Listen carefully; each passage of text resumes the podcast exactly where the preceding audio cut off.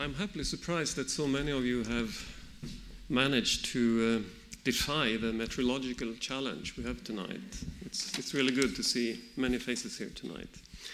Uh, I'm really honored to be given this opportunity to say a few words uh, before Dr. Lipsey's lecture on Dag Hammarskjöld. Um, I don't think there could be a more appropriate moment today than today to, to highlight Dag Hammarskjöld as we celebrate the UN Day today, the entering into force of the UN Charter. In Sweden, this day is actually an official flag day, and you are free to flag with either the Swedish flag or the UN flag. And I think this very well symbolizes the Swedish commitment to the UN and to the spirit of the UN Charter, and not least to the need for respect for international law.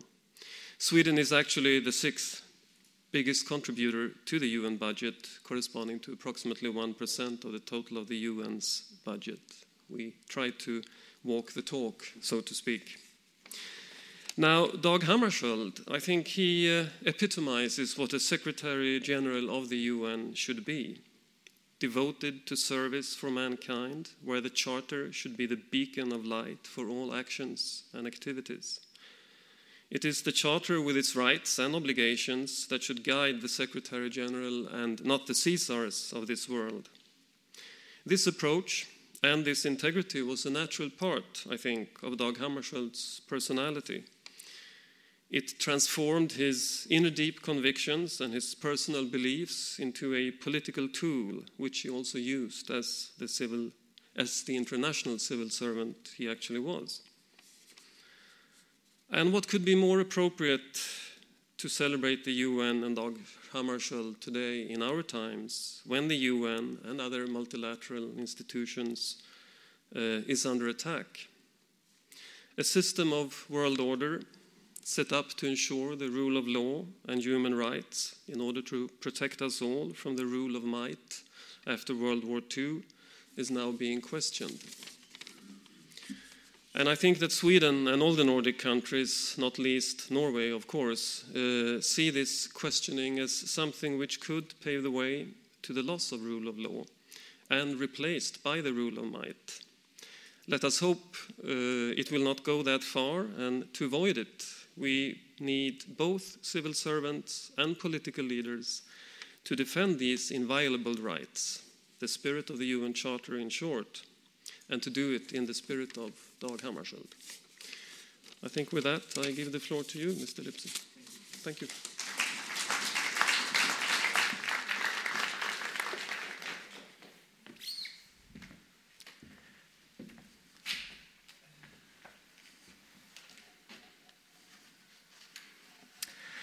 It's really a privilege to be here.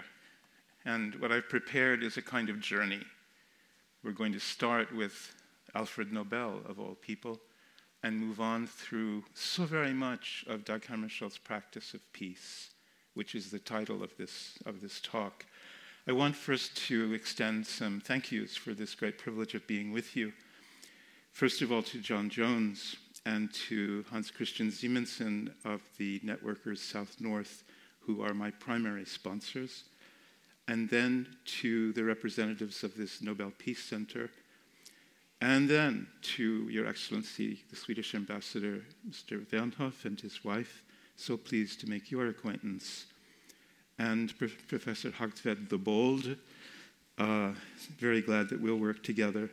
And to the members of the neonatal Dag Hammarskjöld Society, which is just taking shape, to all of you, colleagues and friends, ladies and gentlemen.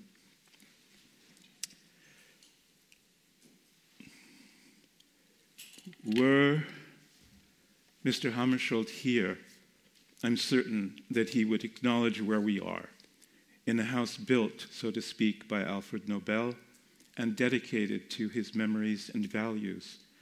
The link between Dag Hammarskjöld and Alfred Nobel are richer than one might think, links historical and spiritual, as if they were both precipitated, though in different generations, out of the same vessel by similar chemistry. it might not have occurred to me to bring this relation to your attention and to explore with you its significance were there not a surprising tie between them. The still young Swedish pastor, Nathan Söderblom, who presided over Nobel's funeral in December 1896, went on to occupy a chair in theology at Uppsala University and in 1914 to be named head and archbishop of the Church of Sweden. The two men, though widely different in age, had enjoyed conversation with one another in Paris from 1892 forward when Söderblom became pastor of its Swedish Norwegian congregation. A man of fire, intellect, and conviction, a future peace activist and skilled organizer, Söderblom, with his family, became closest of friends with the Hammarskjöld family in Uppsala it was he who served young Dag as an early and unforgotten first mentor in religion and nearly all things. The exceptional mind that had interested Nobel in his late years now drew Dag in his early years. Söderblom's children were among Dag's playmates and companions, and Anna Söderblom, the archbishop's wife, appears to have played a central role in his development as a woman of wisdom and reliable affection, not in the family, but close. Well and good, but were this all, we wouldn't linger. There is more to notice. From his early days as Secretary General of the UN, you will recall that he was inaugurated in April 1953 Hammarskjöld often drew the portrait of modern man as fundamentally divided. If there was to be some movement toward peace and goodwill, he knew that we would have to understand ourselves better, to see the division in our minds and hearts, and to take steps toward ourselves that would also be steps toward authentic community. There is a war to be fought in the hearts of men, he said in 1954. It is here that I see the great, the overwhelming task of all men of goodwill in the work for peace. A few months earlier, before a university audience, he had said that we must seek a fuller knowledge of man himself, a knowledge that will more nearly match our mastery of science and of techniques. Only in proportion as we close this gap shall we be able to diminish the dangers of fear and suspicion and of the irrational behavior that follows from them. It wasn't textbook knowledge he had in mind, it was something more intimate and lived. What he called the knowledge which you can derive only from a study of yourself and your fellow men, a study inspired by genuine interest and pursued with humility. Alfred Nobel is divided man writ large. A man in whom intellectual and entrepreneurial concern for technology and concern for human welfare lay uneasily resolved until the far reaching gesture through which he completed his life. As you may recall, his father was a pioneering munitions expert, the inventor of land and sea mines for the Russian military. Young Alfred was born to the trade, born to the science and technology of explosives, and his 355 patents demonstrate how true he was to his calling throughout his life. His invention of dynamite made possible the large scale beneficial public infrastructure works of his era and intensified the violence of war. Pursuing his discipline, with deepest curiosity and skill. Later in life, he invented smokeless powder, which by and large cleared the battlefield of obscuring smoke and intensified the deadly range and power of artillery. In 1894, he purchased the Bofors Machine Works to develop it as a world class arms and cannon manufacturer. All of this was the logic of the man, the destiny of the man. Nearly 100 factories around the world bore witness to the international reception of his immensely gifted mind's work. Yet, he was a peace loving man, a poet in his privacy, a reader, a man of letters, with something of a mixed temperament. His Austrian friend, Bertha von Suttner, an early and leading peace activist, described him as a thinker, a poet, bitter and good, unhappy and cheerful, whose thoughts ranged far, but who had his moments of foreboding, a man who passionately loved the sweep of human thought and despised the pettiness of human stupidity, a man who understands everything and expects nothing. The Baroness and friend, as he called Bertha von Suttner, engaged a debate with him in his last decade about the possibilities for disarmament and enduring peace. Die Waffen nieder, lay down your arms, she had written in a novel of 1889, a surprise bestseller in multiple languages in addition to the German original. Nobel's sincere affection for her, she was a woman he could have married had she been free, kept him close to her projects, her peace congresses, her civilized but impressive agitation in high circles.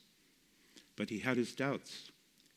My factories, he wrote to her, may put an end to war before your congresses.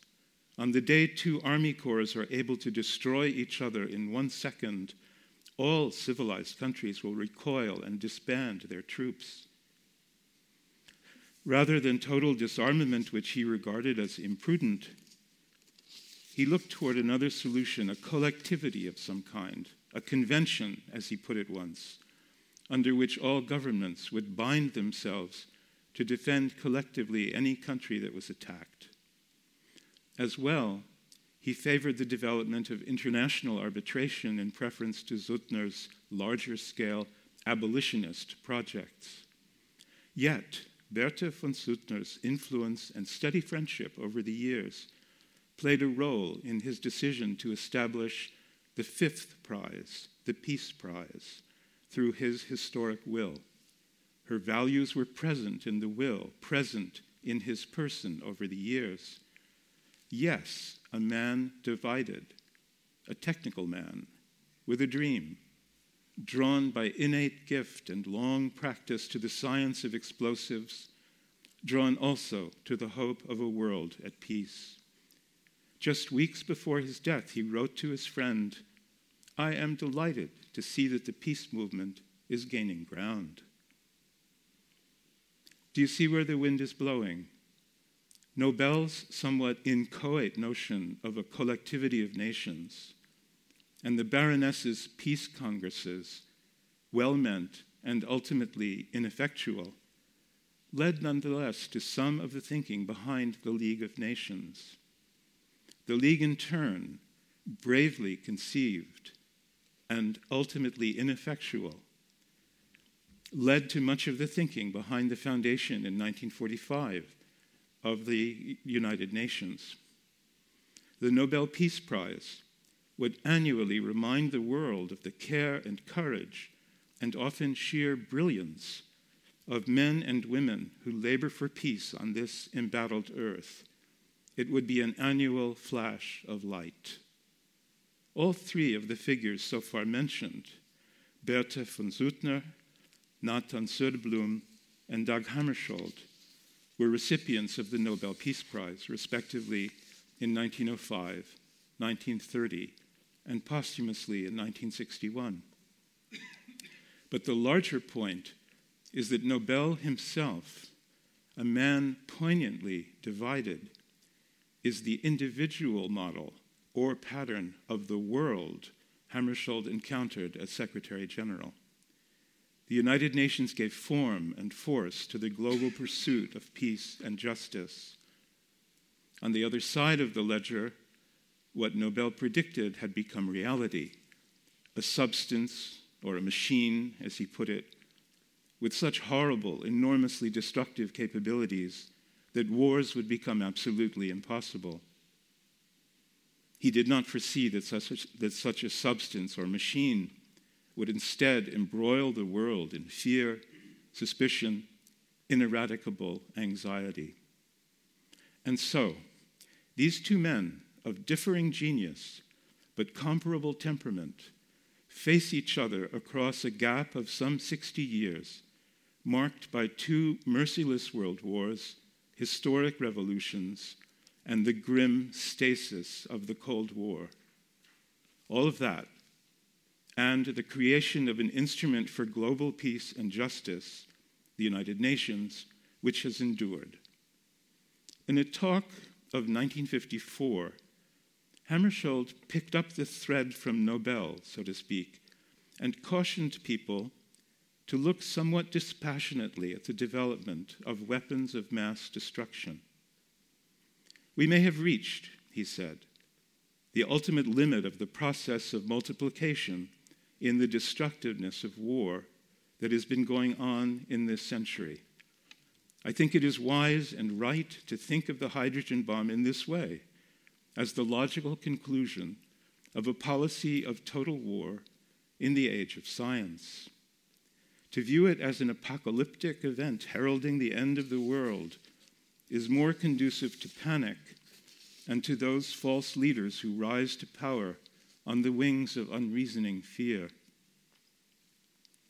With his Secretariat colleagues and with trust in the basic good sense of the member nations of the UN, he intended to manage the threat and, insofar as possible, reduce it. He had no illusions about the difficulties he and all must face. The process of learning to live together without war, he said, in this torn and distracted world of ours, is going to continue to be painful and a constant challenge for the rest of our lives, yet we know what the choice is. Either we manage it or we face disaster. I cannot overstate the emphasis he gave throughout the UN years to the insidious role of fear. He seems to have considered fear to be the often concealed or disguised but central motive for misunderstanding, divorce, and rupture. In one of his earliest addresses to the UN community, New Year 1953, Hammarskjöld called to his colleagues to recognize that fear and much else, and to find the way past it. They too were implicated. Our work for peace, he said, must begin within the private world of each one of us. This was always his way to focus first on the individual actor, on the responsible agent. And he went on to build for man a world without fear. We must be without fear. To build a world of justice, we must be just. And how can we fight for liberty if we are not free in our own minds? How can we ask others to sacrifice if we are not ready to do so? Some might consider this, he went on, to be just another expression of noble principles too far from the harsh realities of political life. I disagree. He spoke on that occasion of the men and women of the UN as a generation to whom the chance was given to build in time a world of peace. Hammarskjöld would point to the centrality of fear in language that varied from diplomatic formal to deliberately everyday. However expressed, the thought was consistent about what he once called the fear that is our worst enemy, but which somehow seems to taint at least some corner of the heart of every man. There is a good example of every day in a press conference of early 1955 after his return from a diplomatic mission to Beijing. You, as journalists, know very well, he said, that one of the most curious and upsetting features about the present world situation in the East is that everybody is afraid of everybody. Simple language. But the point is memorably made, and nearly in the language of the playground, as if it is childish for everyone to be afraid of everyone. He was quite different with a group of firm UN supporters in London. For them, he drew on timelessly resonant thought in the New Testament letter of James. The United Nations, he said, is faith and works faith in the possibility of a world without fear, and works to bring that faith closer to realization in the life of men. And in the same speech, he conveyed in one sent, formal sentence an entire vision. The United Nations, he said, has always recognized that its efforts in the political sphere to build a world without fear will succeed only if based on a solid foundation of economic and social justice within the nations and among nations. The point I wish to make here is that voice mattered enormously, crucially, in Hammarskjöld's practice of peace. And it continues to matter if the UN is to find its way brilliantly forward. The UN must speak to us, and we will only hear it in the endless noise if it speaks in a way that deserves to be heard with integrity, authority, clarity, urgency, humanity, freshness, and not least a sense of history and of future possibility. One felt of Hammarskjöld that he remembered that the history of the long struggle for peace on earth was inscribed in him, not just as knowledge, but also as a matter of sensibility, of feeling. The voice with which he endowed the UN in his era was distinct, instantly recognizable, eloquent, without deliberate show. And all occasions were good occasions, from very public to very private. In a letter to a Swedish friend in the aftermath of the Suez Crisis, he wrote, I think, unforgettably, it is difficult to hear the low voice of reason or see the clear little light of decency, but of course both endure and both remain perfectly safe guides. This is from a letter to a friend, though the words carry far. Still more privately, in his journal published posthumously as Vägmärken in English markings, Hammarskjöld once recorded with prophetic wrath the value of the true word, the destructiveness of false words. Respect for the word, he wrote, is the first commandment and the discipline by which a man can be educated to maturity, intellectual, emotional, and moral. Respect for the word, to employ it with scrupulous care and an incorruptible, heartfelt love of truth, is essential if there is to be any growth in a society or in the human race. To misuse the word is to show contempt for man. This too was Hammarskjöld. This was an element of his practice of peace and what he expected of others upon whom he could rely as what he once called fighters for peace. He rarely spoke publicly in this way with prophetic force. He once allowed to a journalist that he was a colorless sort of prophet, maybe. It was a light remark.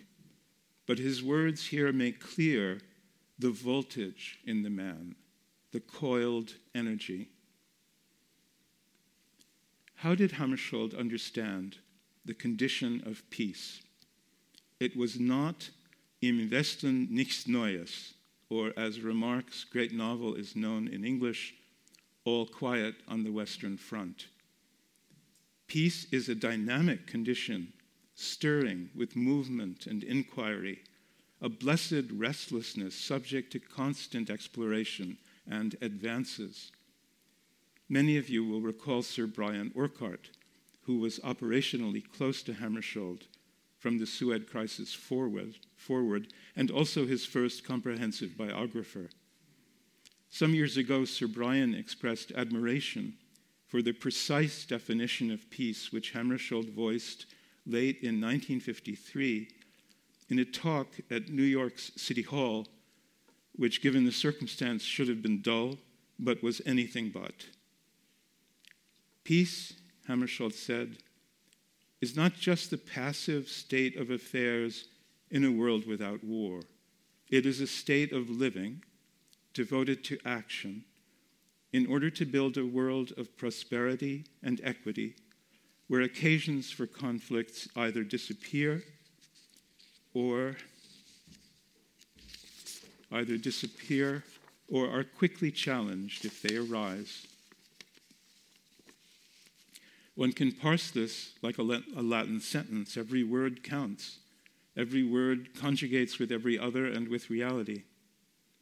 Five years later, the basic thought was still intact. We cannot afford, he said, to reckon peace as merely the absence of war. We have to make of it a positive and overriding discipline of international life. How did he exercise that discipline? As he was ceaselessly engaged in dialogue and often engaged in formal negotiation, those are the best places to look for answers. At this point, I sigh because there is such a wealth of material, of insight at all levels, from principles to tactics. I can only suggest, but I will suggest, how he thought and acted. In 1955, as part of a meeting with young people, he drew on the practical wisdom, I think, of his friend, the progressive American journalist Walter Lippmann, as he offered a quite comprehensive view of negotiation. The other day, Hammarskjöld said, I read some observations on the perennial laws of peacemaking made by an outstanding observer of foreign affairs. He enumerated what he called the fundamentals of good negotiation careful preparation, truthfulness, precision, patience, impassivity, and modesty. These are good qualities on all roads of life. They are essential in dealings between nations or inside nations where we have to carry responsibility for the fate of others. There is a widespread view that diplomacy is a game, where it plays to be shrewd, where moral laws are somehow suspended, and where it is laudable to fool your adversary. Need I tell you that such a view is wrong? Diplomacy of this kind may yield temporary and limited success, but it will never lay the foundation for lasting agreements or understanding. In international politics, the right road is to defend the, to the best of your ability the interests which you are called upon to represent, but always in ways that uphold the principles which you want to see realized in the world of tomorrow. Fight for your team, but remember that your adversaries of today were your friends of yesterday and will have to be your friends of tomorrow. One of Hammarskjöld's early biographers noted that he had no patience with squeamishness. Hammarskjöld once described negotiation as a process of working out a mutually satisfactory arrangement with someone I have to live with. To negotiate with someone never meant to me I had to like him or approve of him, much less that I was willing to sell out my principles. Similarly, Hammarskjöld was critical of attempts to forge agreements at the UN by excluding adversaries from the decision process, as if the adversary would come along later. He didn't mind at all the clash of views I feel, he once said, that what people call negative sides, the talking, the conflicts, the flux of events, the uncertainties about outcomes, and so on and so forth, are not negative sides, but positive sides. The UN belongs at that level, the level of debate and hoped for resolution, and Hammarskjöld himself was at ease and effective at that level. No institution, he once said, can become effective unless it is forced to wrestle with the problems, the conflicts, and the tribulations of real life. One of Hammarskjöld's most interesting negotiating partners was the Israeli Prime Minister David Ben Gurion. There was unmistakable personal sympathy, even friendship between them. They were both men of thought and of action. Both were humanists and among other things, lifelong explorers of religion and spirituality. yet they often bitterly deadlocked on issues of peace and security. In mid 1957, when the Suez Crisis had been, for the most part, successfully resolved, the Israeli armed forces had not yet retreated to agreed boundaries. Characteristically intent on remaining in dialogue, Hammarskjöld sent a letter to Ben Gurion. I fear, he wrote, that in our never abandoned efforts to get nearer to the target we have in common, in your case, peace for Israel, in my case, perhaps just simply peace, we may have reached a dead point. Such a situation requires some boldness. Indeed, it seems to me to be a situation where we must individually try to transcend our immediate duty in order to fulfill the higher duty of creative action. You know that my personal confidence in your ability in this respect has never flagged. When I first read this letter in the archive of the National Library of Sweden, to which Hammarskjöld bequeathed his personal papers, I felt that I had learned a great thing, that there was no turning back from his challenge. The distinction between immediate duty and the higher duty of creative action is a classic, spare call to vision, to see farther, and responsibly dare. Timing was very much a part of Hammarskjöld's practice of peace. Timing and respect for the gains that time can bring. Time is a great healer, he said, and playing for time is an important element in the tactics we must follow in these days of crisis, anxiety, and frustration. We all have a tendency to regard the situation as it exists at any single moment as a lasting one, forgetting that we ourselves and the societies which we form are all subject to the law of change. Hammarskjöld's insight into process was in large part observational. He watched as he participated, but also based on a philosophical faith he had acquired as a young man from his reading in Henri Bergson, especially Bergson's study of creative evolution. There was a certain grandeur in Hammarskjöld's grasp and expressions of this faith. It was nearly a mantra, a most useful one. Time itself is a great healer, he said on another occasion. And situations that seem to defy solution can be lived with until that day when the evolution of human affairs brings a more favorable opportunity. Returning in 1956 from a pre Suez mission to the Middle East, he told journalists that there are quite a few situations where we must live and learn to live with provisional arrangements because there is no solution to the long range problem which we can find overnight. We must simply grow into this solution.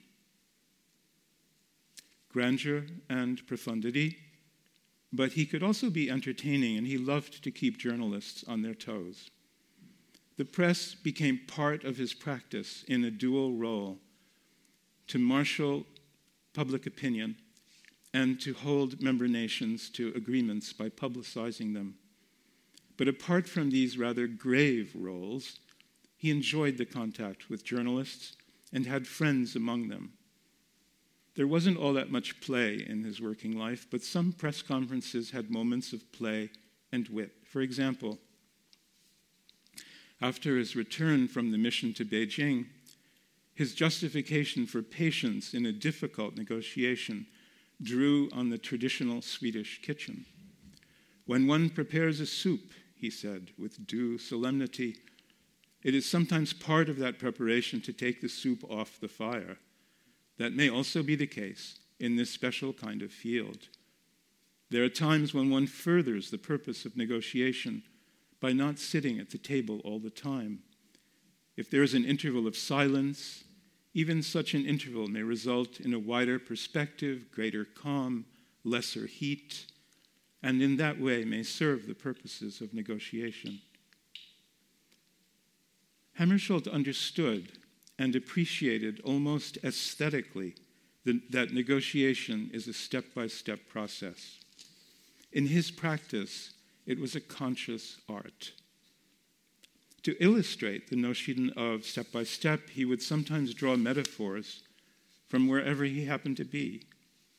In the Middle East, in the spring of 1956, a period in which he pioneered the practice of shuttle diplomacy, he must have seen in passing many examples of ancient architecture. This particular job, he said, referring to negotiations underway, is a little bit like building an arch. I feel that I have now added a second stone to the first one, and that is just as good as the first one. However, you know that in building an arch, the construction is not stable until all the stones have been fitted in. However, as he was well aware, the practice of peace cannot always be slow. On occasion, he had to act, as he put it, with the utmost flexibility and a very quick reaction because time means so very, very much in these matters. Were there time enough, there are many other points we might explore in depth. For example, the search for common ground, no matter how slight, as the first thing needful in negotiation. The need Hammarskjöld recognized to keep matters in motion, never frozen. The need for perseverance and conviction. As he often put it, that fate is, not, is what we make it. This last was important. He could not accept anything resembling fatalism or the abdication of direct responsibility. He knew the taste of abdication and once vividly warned against it. He said, We have seen how the course of events may take on aspects of inexorable fatality, up to the point where, out of sheer weariness, no resistance to the gravitation into open conflict any longer seems possible. This is a constantly repeated pattern of tragedy. Were there time enough, we could look closely at Hammarskjöld's strikingly original valuation of what he called maturity of mind. I know of no other prominent leader of his time or ours who has had this characteristic so deeply marked on his or her compass of values. We all recognize it, he said, when we have the privilege of seeing its fruits. It's reflected in an absence of fear, in recognition of the fact that fate is what we make it. It finds expression in an absence of attempts to be anything more than, than we are or different from what we are, in recognition of the fact that we are on solid ground only when we accept giving to our fellow men neither more nor less than what is really ours. It is by striving for such maturity that we may grow into good international servants. And were all this not uh, enough, we could speak at length of his immense faith in the United Nations as the best hope of humanity. Despite the inevitable setbacks and disappointments, he said in 1957, the diplomatic processes of the United Nations tend to wear away many differences and to bring us in the long run to solutions in the common interest. These processes should be used more frequently in this spirit. He wasn't blind, however, to the organization's weaknesses, renewing his commitment to it in summer 1955 when the UN celebrated its 10th, the 10th anniversary of its founding he wrote in his private journal truly haunting words. You are dedicated to this task, he wrote, as the sacrifice in a still barbarian cult because of the divine intention behind it. It is a feeble creation of men's hands, but you must give your all to this dream, for that alone anchors it in reality. We might also explore at length, though we will not, Hammarskjöld's prudence in the practice of peace.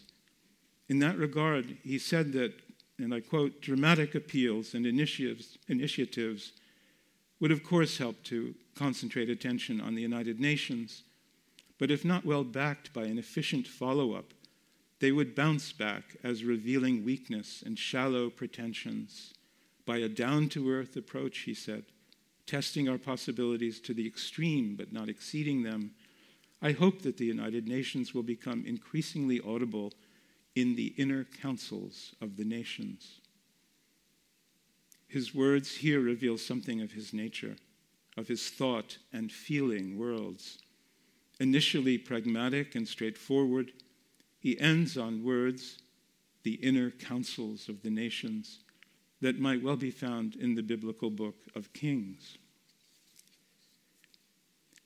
Negotiation is concentrated, purposeful exchange between parties with issues to resolve. Dialogue, about which Hammarskjöld cared enormously, is a, cat- is a category with greater latitude. It is the day to day fabric of life including life at the UN. It occurs when we turn to one another and mean to turn to one another. Dialogue had long been central for Hammarskjöld. And in later years at the UN, after discovering the writings of the Israeli philosopher and social thinker Martin Buber and developing a brotherly friendship with him, he spoke of dialogue in what I take to be classic, again, quite spare words. Dialogue is badly needed, he said at a 1960 press conference. But dialogue requires quite a few things objectivity, a willingness to listen, and considerable restraint. Those are all human qualities. No one of them is very remarkable, but they are all called for. This too was Hammarskjöld. His words and attitudes were often of Scandinavian design, deliberately simple, but quite perfect. There are two further aspects of Hammarskjöld's practice of peace with which we owe it to ourselves to engage, however briefly.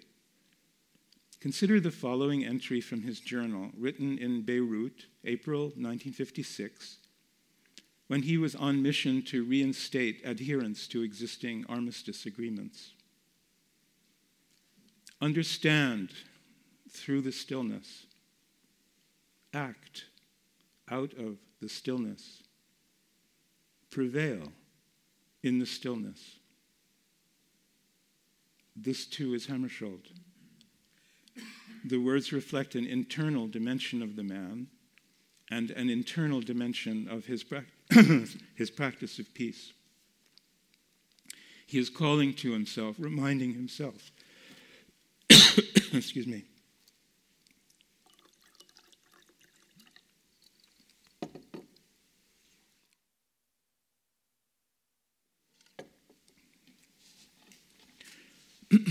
reminding himself to be as empty of personal clutter as possible and as peacefully receptive as possible, so that whatever is needed in the diplomatic sphere can naturally fall into space, into place rather, through the intrinsic logic of the situation.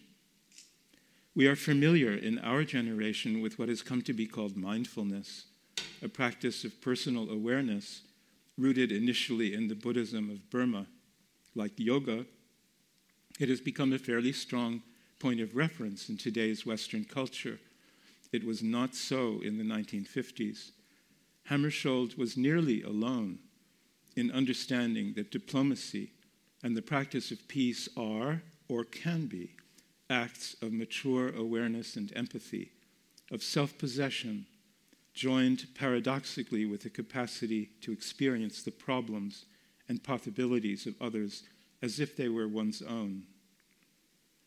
From this perspective, diplomacy is a personal discipline before it is a social discipline.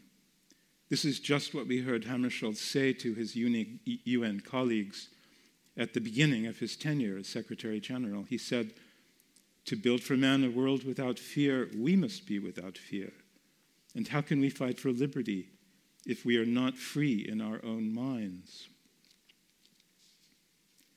In 1958, Hammarskjöld was himself surprised by his spontaneous reply to a journalist working for the UN internal newsletter.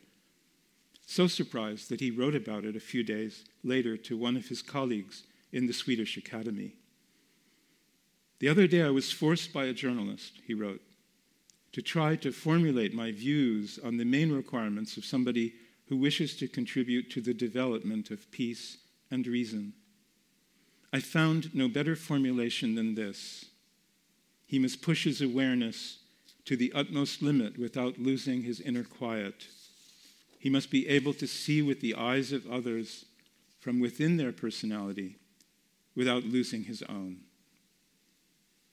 A difficult practice, one might say, that is true. But in the last major speech of his interrupted life at Oxford, spring 1961, he made an assertion that closely coheres with what we have just heard.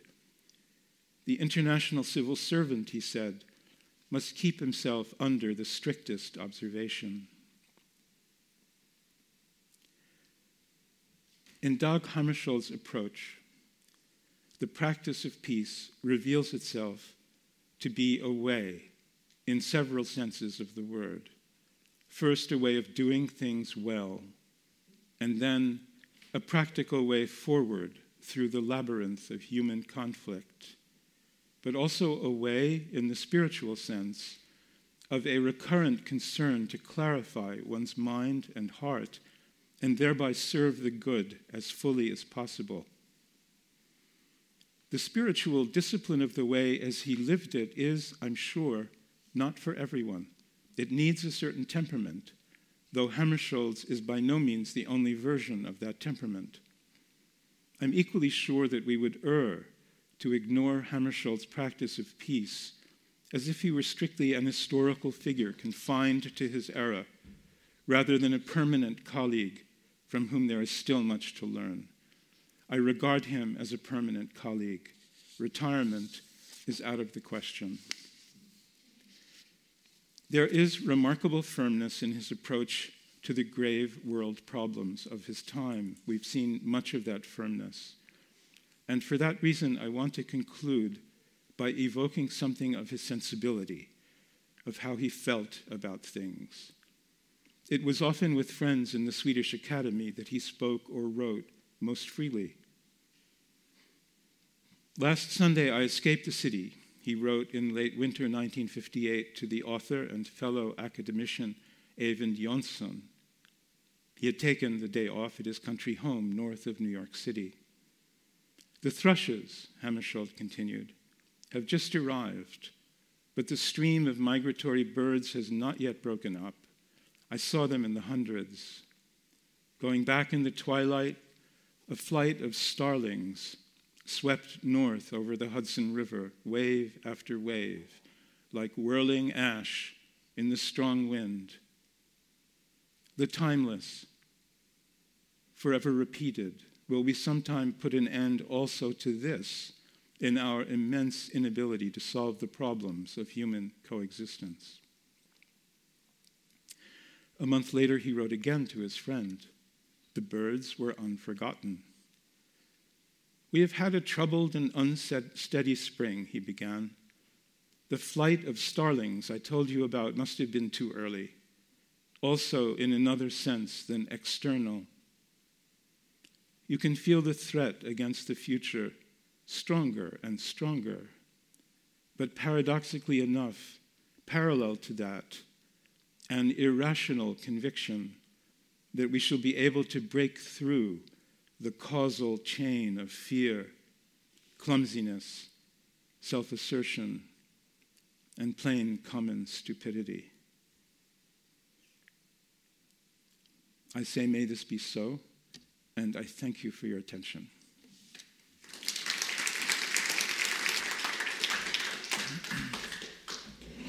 May I address you as Roger? May I address you as Bengt? Thank you so much. if Hammarskjöld had been alive today in a world of terrorism, deep economic and social inequalities, genocides, poverty, although alleviated somewhat, the end of the Cold War, and an American president who says that uh, we will not um, support the case of human rights. We will leave to every nation to choose their own road. How do you think he would react?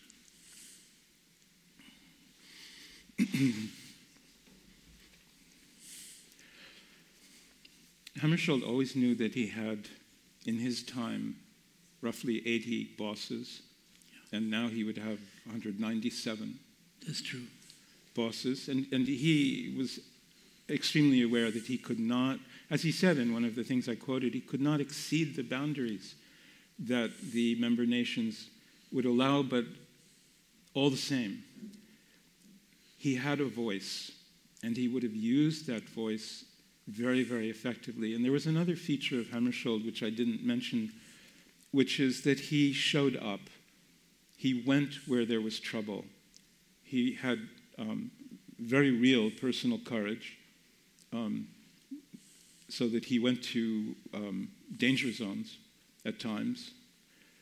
He would have showed up. He would have been a personal agent in our disturbed world, he would not have stayed on the 38th floor of the United Nations headquarters mm. for very long.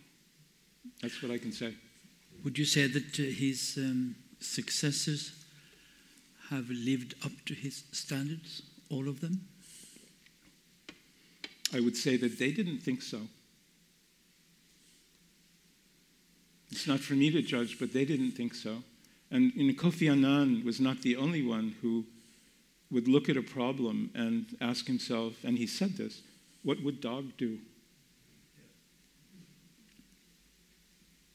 Is Trygve Lie completely forgotten? Excuse me? Trygve Lie? Trygve Lie can never be completely forgotten because the UN headquarters buildings are magnificent. Yes. And, and they were created under his stewardship of the, uh, of the UN. Um, he made some mistakes that, um, or what are regarded as mistakes that blot his record somewhat. But whenever I think of him, I think of his animosity toward Dag Hammarskjöld, yes. which troubles me, and I look at those beautiful buildings and I think, thank you, sir. Good work. But the post of Secretary General was uh, designed to uh, be akin to the kind of post in the League of Nations. And Trygve deliberately enlarged the definition of the duties of the General Secretary. In that sense, he built the ship on which then Dag Hammarskjöld could sail. Well, Hammarskjöld was um, truly innovative and beyond what Trygve Lie had, had, uh, had needed to innovate. Uh, one of, there were numerous expansions of the role of the Secretary General, and he managed to persuade the member nations that this was normal, that this was appropriate, yeah. that he was a political agent in his own right yes. um, under the Charter. Yes. So, uh, you know, when he said in one of the things I quoted that, um, that the United Nations has always had the view of X, Y, and Z, and he said this in 1953 the United Nations was eight years old. That's a very short always. So a lot of um, innovative, creative work occurred in, on Hammarskjöld's watch. Yeah. What strikes me reading your book, actually, and reading your talk today is that how Swedish he is. He clearly comes out of a Swedish tradition of not Nathan Söderblom, the ecumenical uh, theologian, and of course uh, Nobel, but also Raoul Wallenberg. There's a strong civil service tradition in Swedish government, the long uninterrupted state tradition from Axel Oxenstierna, 15, 1600s. Yet at the same time, Sweden is a great weapon producer, Bofors.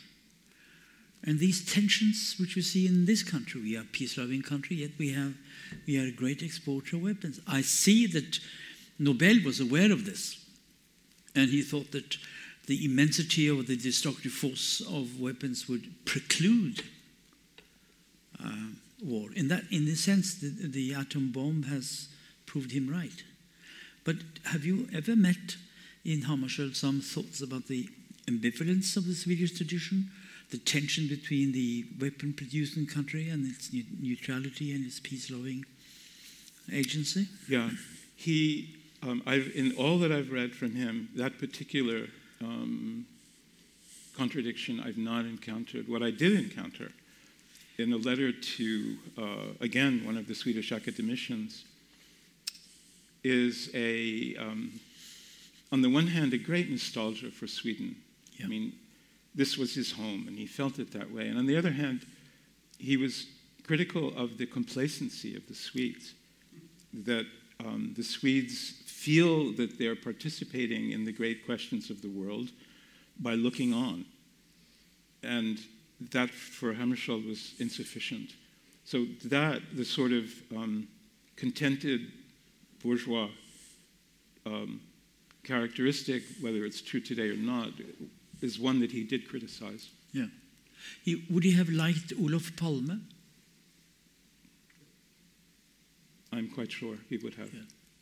yeah. His activism. And in your, in your list of, of people, Count Bernadotte really Count, matters. Sure, clearly. Uh, yes. this, he was a, a, model of service and sacrifice for Hammarskjöld. Yes.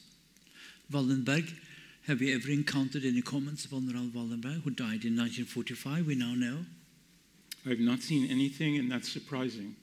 Yeah. I've not read every single letter Hammarskjöld wrote. I mean, so there may well be. In your book, it becomes clear that he wanted to strengthen international law by building case by case, which is the lawyer approach.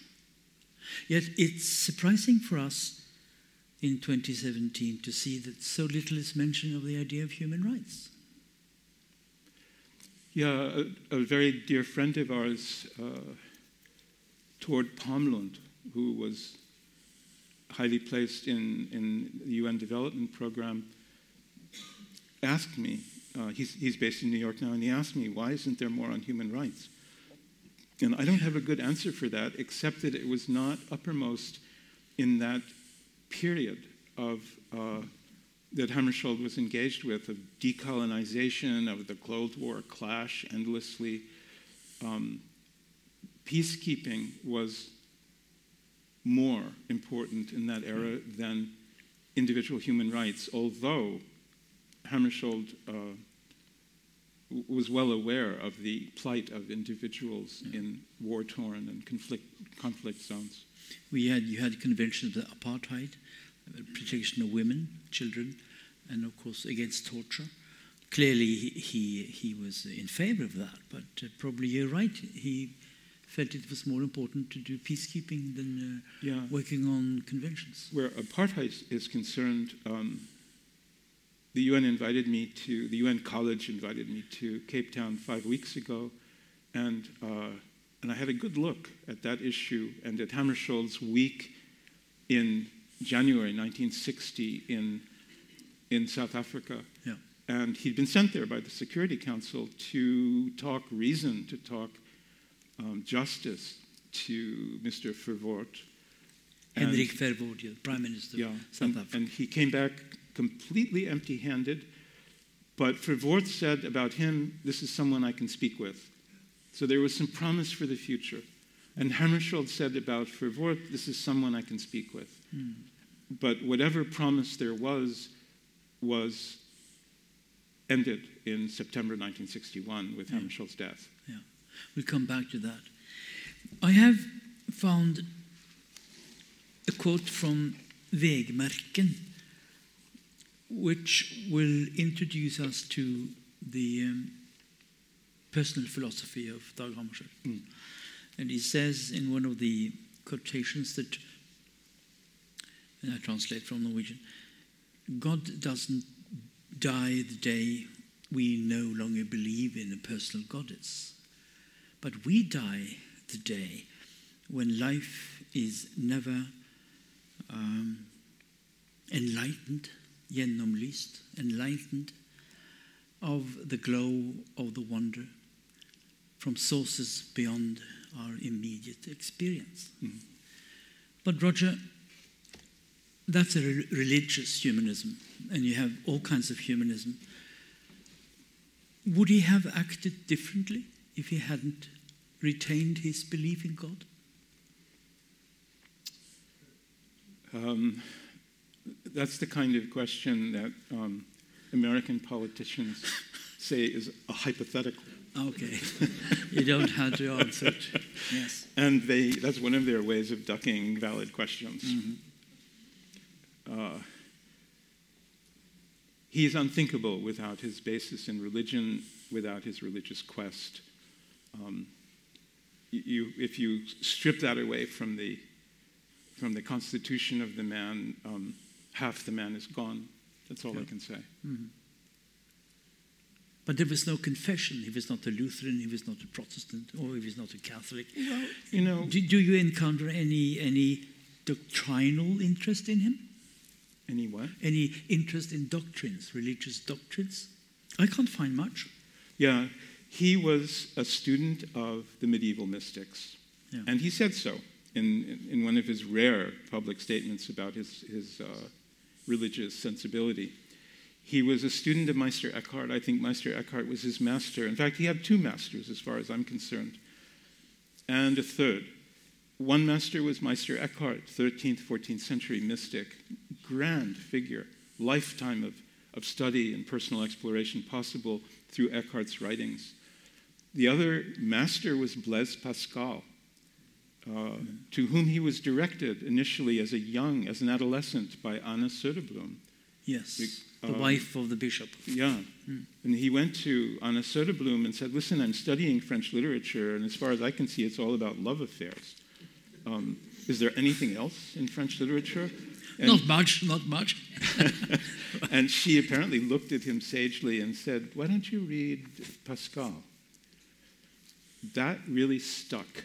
Yeah. So, forgive me if I enlarge on this, because Oh no, go on. It's interesting. Pascal is one of my own masters. Um, in, the, in, in that period in October 1960, when Khrushchev was attacking the institution of the Secretary General, trying to turn it into a troika, Yes. with the Communist bloc, the non aligned bloc, and the Western democracies each owning a piece of, this, of, the, of the Secretary General's role, which would totally destroy its authority and its ability to act. Um, and he resisted that to the, successfully.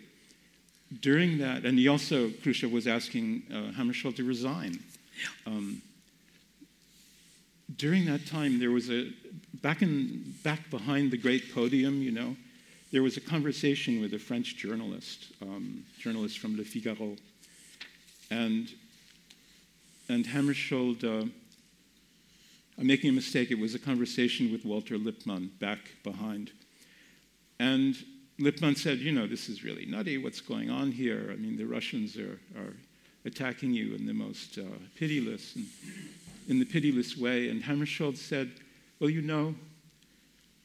Those of us who are children of, of Pascal, in the end, they would have to attack us.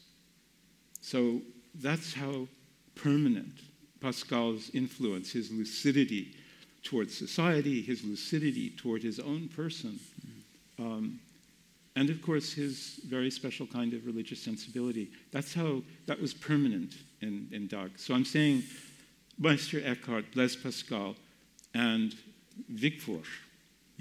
Yeah, he also was a master for Dag. Yeah, Ernst Wigforss was a linguist um, turned economist. He was Minister of Finance uh, for a long time, 10 years, more than 10 years. I met Wigforss. I want to tell the audience that I met him in 1972. He was 92. I was doing a thesis on left wing factionalism in Scandinavian social democracy. And he was a very mature and nice man who interrupted the inter- interview in order to listen to Gunnar Sträng, the Minister of Finance, giving his speech on the radio. But the point of what I'm saying is that he suddenly rushed to the bookshelves and took up Richard Tawney's Equality. He's a British Christian socialist whose book Equality inspired Scandinavian social democracy. Mm-hmm. And he's a Christian socialist. I think there's an interesting tradition there. Wigforss, a social democrat, a Keynesian in many ways, highly gifted economist, yet he had strong affinities with the Christian tradition. That's not co- coincidental, I think. Mm. What is more difficult to understand is his relationship to Axel Hägerström. Axel Hägerström was a Swedish philosopher in the 1920s, a brisk, highly intelligent atheist, known for his theory of value nihilism, värdenihilism, arguing that moral precepts, moral pronouncements are nothing but sounds and no cognitive value. It was a devastating critique of all kinds of metaphysics. In your uh, paper, or in your book actually, you mentioned that Dag Hammarskjöld studied under him. How could he survive? How could his belief in God survive Hägerström? Yeah, let me say something about that. I would say that um, learned to think critically from Hägerström. Yes. And he learned to love from his mother, who was a woman of enormous warmth, and from Nathan Söderblom, and perhaps even from Anna Söderblom. So that was a good match to learn to love and to think from elders in your Uppsala community. Yeah. Worked out just fine. We- he was able to live with it. Uh, you know, um, a colleague of mine, Tore Lindholm, has taught me that you can argue in favor of human rights from different points of view, overlapping consensus. You can argue in favor of the dignity of man from a Buddhist, even a Marxist point of view, a liberal, Catholic, um, Shinto point of view, as long as you simply agree we believe in the dignity of man, irrespective of the arguments leading to that position. I think that's a highly civilizational, uh, you know, um, uh, idea.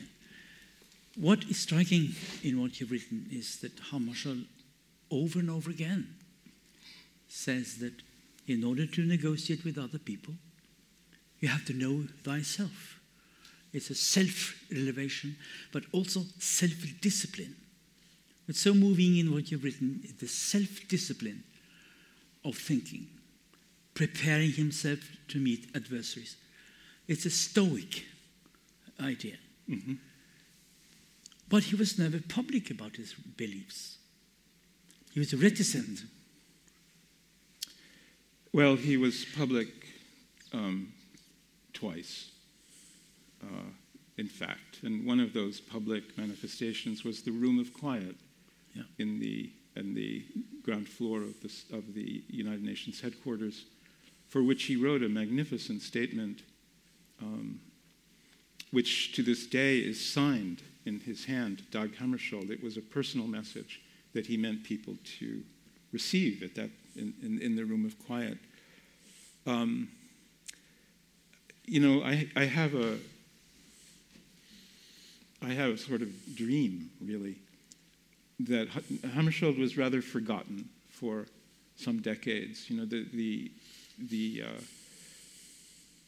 Brian Urquhart's really great biography um, was written more than 40 years ago, and in all that time, there was not so much attention to Hammarskjöld. He, he wasn't appreciated as a seminal thinker, as the creator of a, of a way of approaching politics and human being. Um, and my, my hope now, my dream, is that this will no longer be forgotten, that Hammarskjöld's um, gift to humanity, I think that's not, to say, not saying too much, will find a, a place, become a reference point in, in, in what we know of, of, uh, of effective wisdom.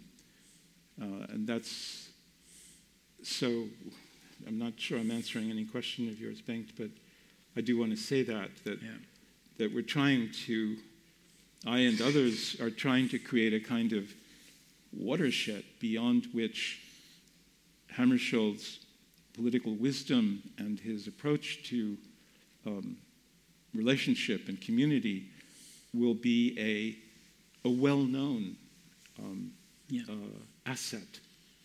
Yeah, we know that, for example, he had strong views about the moral integrity of international civil servants. They should, by their own example, inspire confidence. And he would not have liked Kurt Waldheim, I think, I think he would have had some trouble with Kurt with Waldheim, problems yeah. with, with Kofi Annan's son. he would have had some trouble with Kofi Annan's son. Yes. And perhaps the passivity of Ban Ki moon? Oh, you know, you didn't invite me here to criticize Secretary That's General. true. No. But it's the pursuit of truth. I agree with you. Yeah. Ingvild, let me ask you, how much time do we have? We, we can go on forever, Roger and I. We want to allow the, the, the floor to, to someone to ask questions.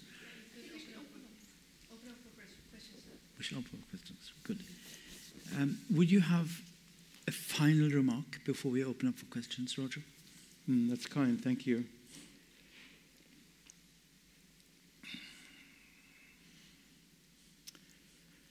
In some ways, I think I just made my final remark, which is Yeah. uh, Hammarskjöld, um, like many great men and women, are eclipsed for a time. Their reputation is, is darkened, they're somewhat forgotten. They need to be reevaluated, the light has to be shed on them again. I think that with Susan Williams and with others, um, the English author who wrote the book called Who Killed Hammarskjöld, it set in motion the whole UN investigation that um, that um, the times have changed and uh, and that I, I, truly hope and I believe he can become a um, you know a teacher for our time. Mm. So that's but I've already said that. Questions, Tore Lindholm? Question. Could you expand? The, there's, a loudspeaker there, Tore. You have to. There's a. Look, look here. That's it. Microphone. Okay, Tore Lindholm, my name. Um, could you expand on what you said about something which is deeply interesting to me and unknown to me? And I'm surprised I didn't know that Dag Hammarskjöld had a serious intellectual and personal relationship both to Martin Buber. Yes. Could you say something about that? Is there something in reading which can be found? Yeah. Please. Yeah, it can be. Um, Hammarskjöld came upon um, certain essays of Buber. I think it was a book called Pointing the Way. Pointing and the way. he, it, there was an instant um, joining of minds. And he gave a talk, Hammarskjöld did, in which he quoted at length from one of the essays in Pointing the Way, which is something he never did. You know, he just always had his own words, but here he thought that Buber said certain things perfectly about dialogue and about the misuse of words um, and the destruction of relationship through the abuse of words. Um, and then he discovered that uh, that Buber was in Princeton, New Jersey, for at that time, and so he in, he invited Buber to the United Nations building, and they had a two or three hour talk, and Hammarskjöld went to his um, to Buber's um, home and office in Jerusalem um, a year or two later, and there's a photo from that time which I included in my book, which Yes, is it's here. a spectacular photo of, of two men in communion. And then um, had the custom of translating complex works from English, French, or German into Swedish. It was a relaxation for him. He translated some of the most abominably complex modern poetry from both French and English in the course to rest his mind. This was for him um, a respite from his work. In, at the end of his life, he had written to the Bonniers, um, proposing, the Swedish publisher, proposing that he translate um, I and Thou, which is Buber's very poetic and really fundamental uh, book. And, uh, and he'd been in touch with Buber about, about that, and Buber was very happy that he would translate it. And the last, in his last flight, flying from what was then Leopoldville to Elizabethville in the Congo in September 1961, he was translating um, on yellow you know, American yellow legal pads, seven pages or so as the plane flew to his death. And th- those pages survived in his briefcase, where were flung three from the airplane. And the place where he started that translation is a line in Buber In the beginning is relation. What more can I tell you? You, um, the gentleman there is in the Norwegian. My name is Odd Karsten Tveit. He has written several books on Mideastern, Mideastern politics. Mideastern politics. yeah, Odd yeah. Karsten Tveit. My question is uh, you mentioned the book Who Killed Hammarström? And there is a new interest of finding out what happened with his plane. Have you any idea why the Americans and the British has not released the air traffic control monitors? Because this is a part of the questions and maybe a part of the answer. Who killed Hammarskjöld? Yeah. I have only an opinion, sir. Um, I have no knowledge. I have only an opinion, and I've had this opinion ever since the Americans and the British um, started refusing to share whatever the fullness of whatever information they have, which is that there's something utterly disgraceful hidden in those files. It's my opinion. Ivar Amundsen. Would you say a few words who you are, your background? Well, I'm, uh, I'm basically in, in human rights in, uh, in Bosnia and in Chechnya and Russia. Um, first of all, I'd like to thank you, sir, for your very moving insight into the personality of Dag Hammarskjöld, who is uh, one of my great heroes. Uh, Dag Hammarskjöld was, of course, uh, a very strong personality, as you pointed out, and, uh, and also uh, a very strong uh, Secretary General, which is not the idea of the big nations in the UN. So he was very unpopular, and, he, and you, you vaguely mm, also mentioned that he had to fight for his life and his position in a very strong speech where he was about to be kicked out as a Secretary General. Could you elaborate on his relation to the big nations in the UN? And my, my second point would be an addition to what Odd Karsten Tveit just mentioned.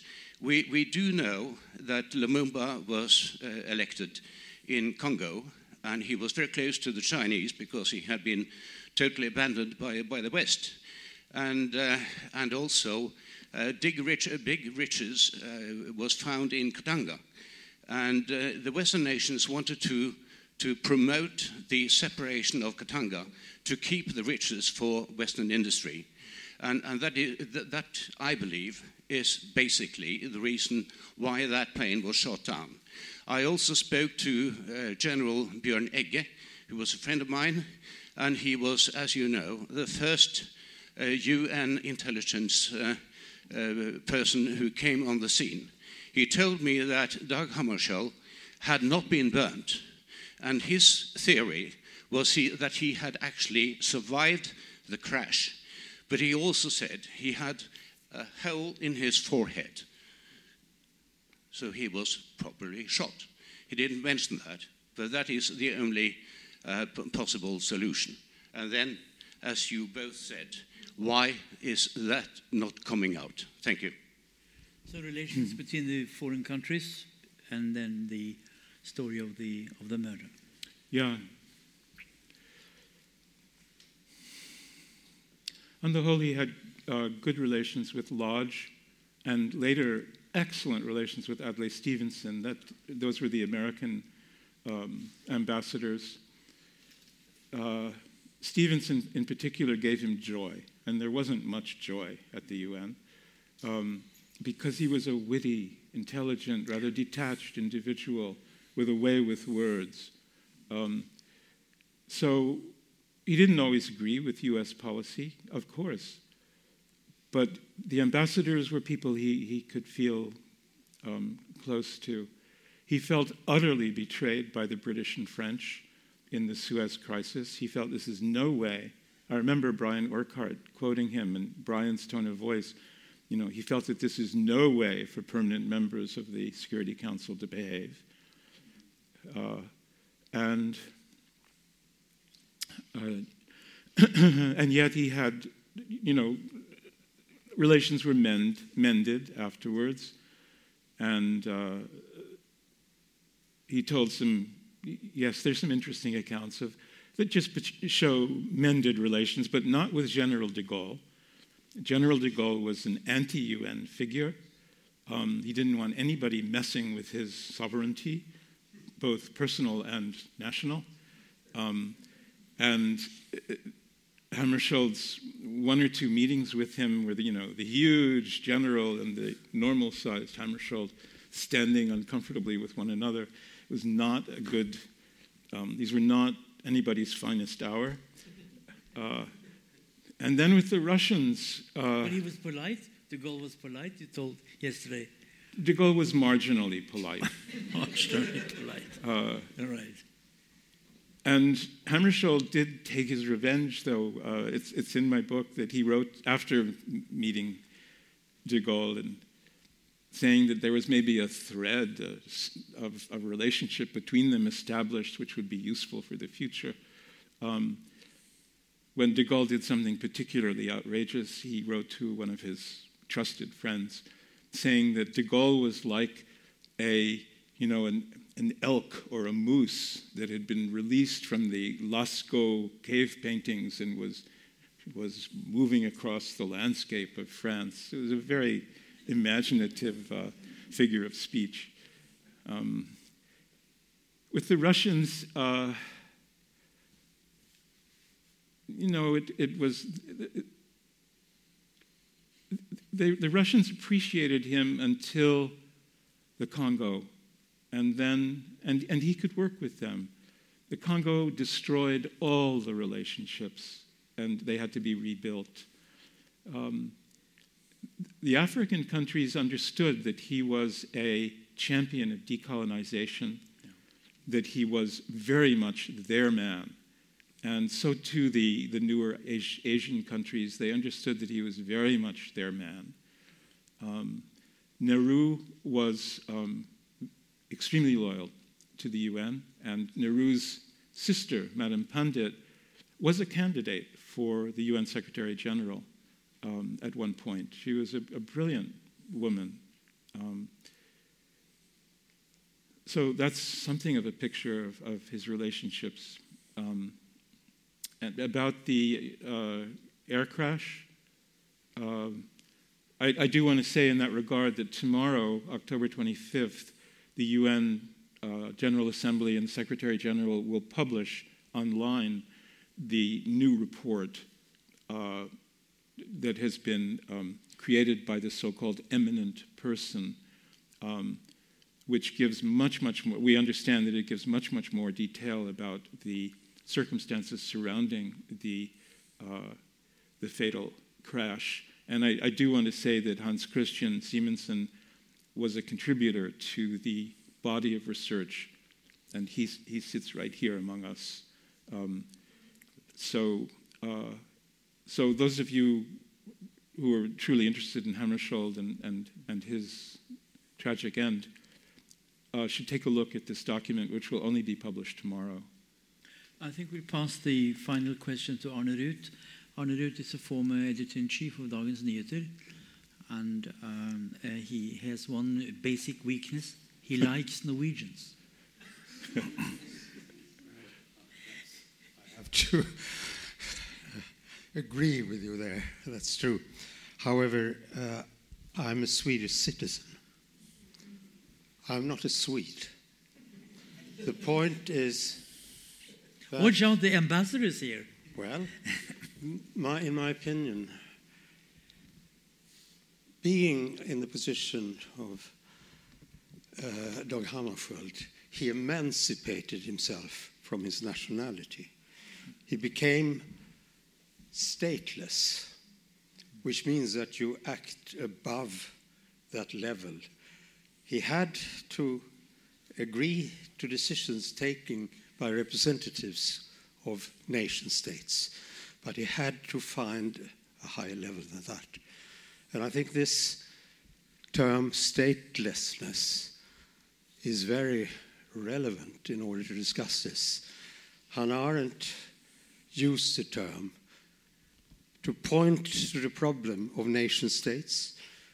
Jews who were Germans, as Germans, as German as any, so-called proper German, all of a sudden became stateless because Hitler decided that they didn't belong to that particular nation. And I think that is a problem which can occur in any nation state, any time in the future. And the world today is full of stateless people from Africa who try to escape to states in Europe, particularly to the Nordic states, in order to avoid that void. My point is that one has, in some way, to acknowledge the right to be stateless. One has to find ways of defining that position, that your rights shouldn't be only related to your citizenship. I don't have a solution to that problem, but I think reading Hannah Arendt, in my opinion, is the most important commentator on this matter and this particular aspect of human rights related to statehood and nationhood of, uh, of the last century has to be used as someone who writes from her own experience of that. Mm. And I just want to know how do you judge Dag Hammarskjöld from that perspective? In my opinion, and having read 200 pages of your book, you describe him as a person who was very much influenced by Swedish traditions. And I was uh, impressed by your understanding of the peculiarities of Swedish history and society, because I, as a Swede, learned a lot by reading the 200 pages. But the point is, that book has to be published in Sweden. You told me when we had a chance of discussing it that there is a limited interest among Swedish publishers to publish it because they think people should read it in English. And that also says something about the Swedish attitude to Dag Hammarskjöld. He's not prominent enough to be thought of as a Swede who has the kind of significance which merits the publication of a book of this order in his native language. I just, this particular definition of nationhood is, in my opinion, one of the most profound problems of political life. I don't know if you agree. Mm. Will it be published in Swedish, Roger? Uh, I would need a Swedish publisher. I was told, um, I mean, of course, we tried initially, but I was told that anyone who matters can read English and will read it, which to my mind is elitist and arrogant. Um, hmm. But uh, I have to say that I love listening to you, Arna, Ruth, and I don't want to put more words on top of what you just said about a kind of statelessness that is um, a new model for our new century. So um, permit me not to. Um, on that note, I think we should conclude this session and most grateful to Ingvild and the Nobel Peace Center for allowing us and giving us this arena. Thank you so much. Yeah.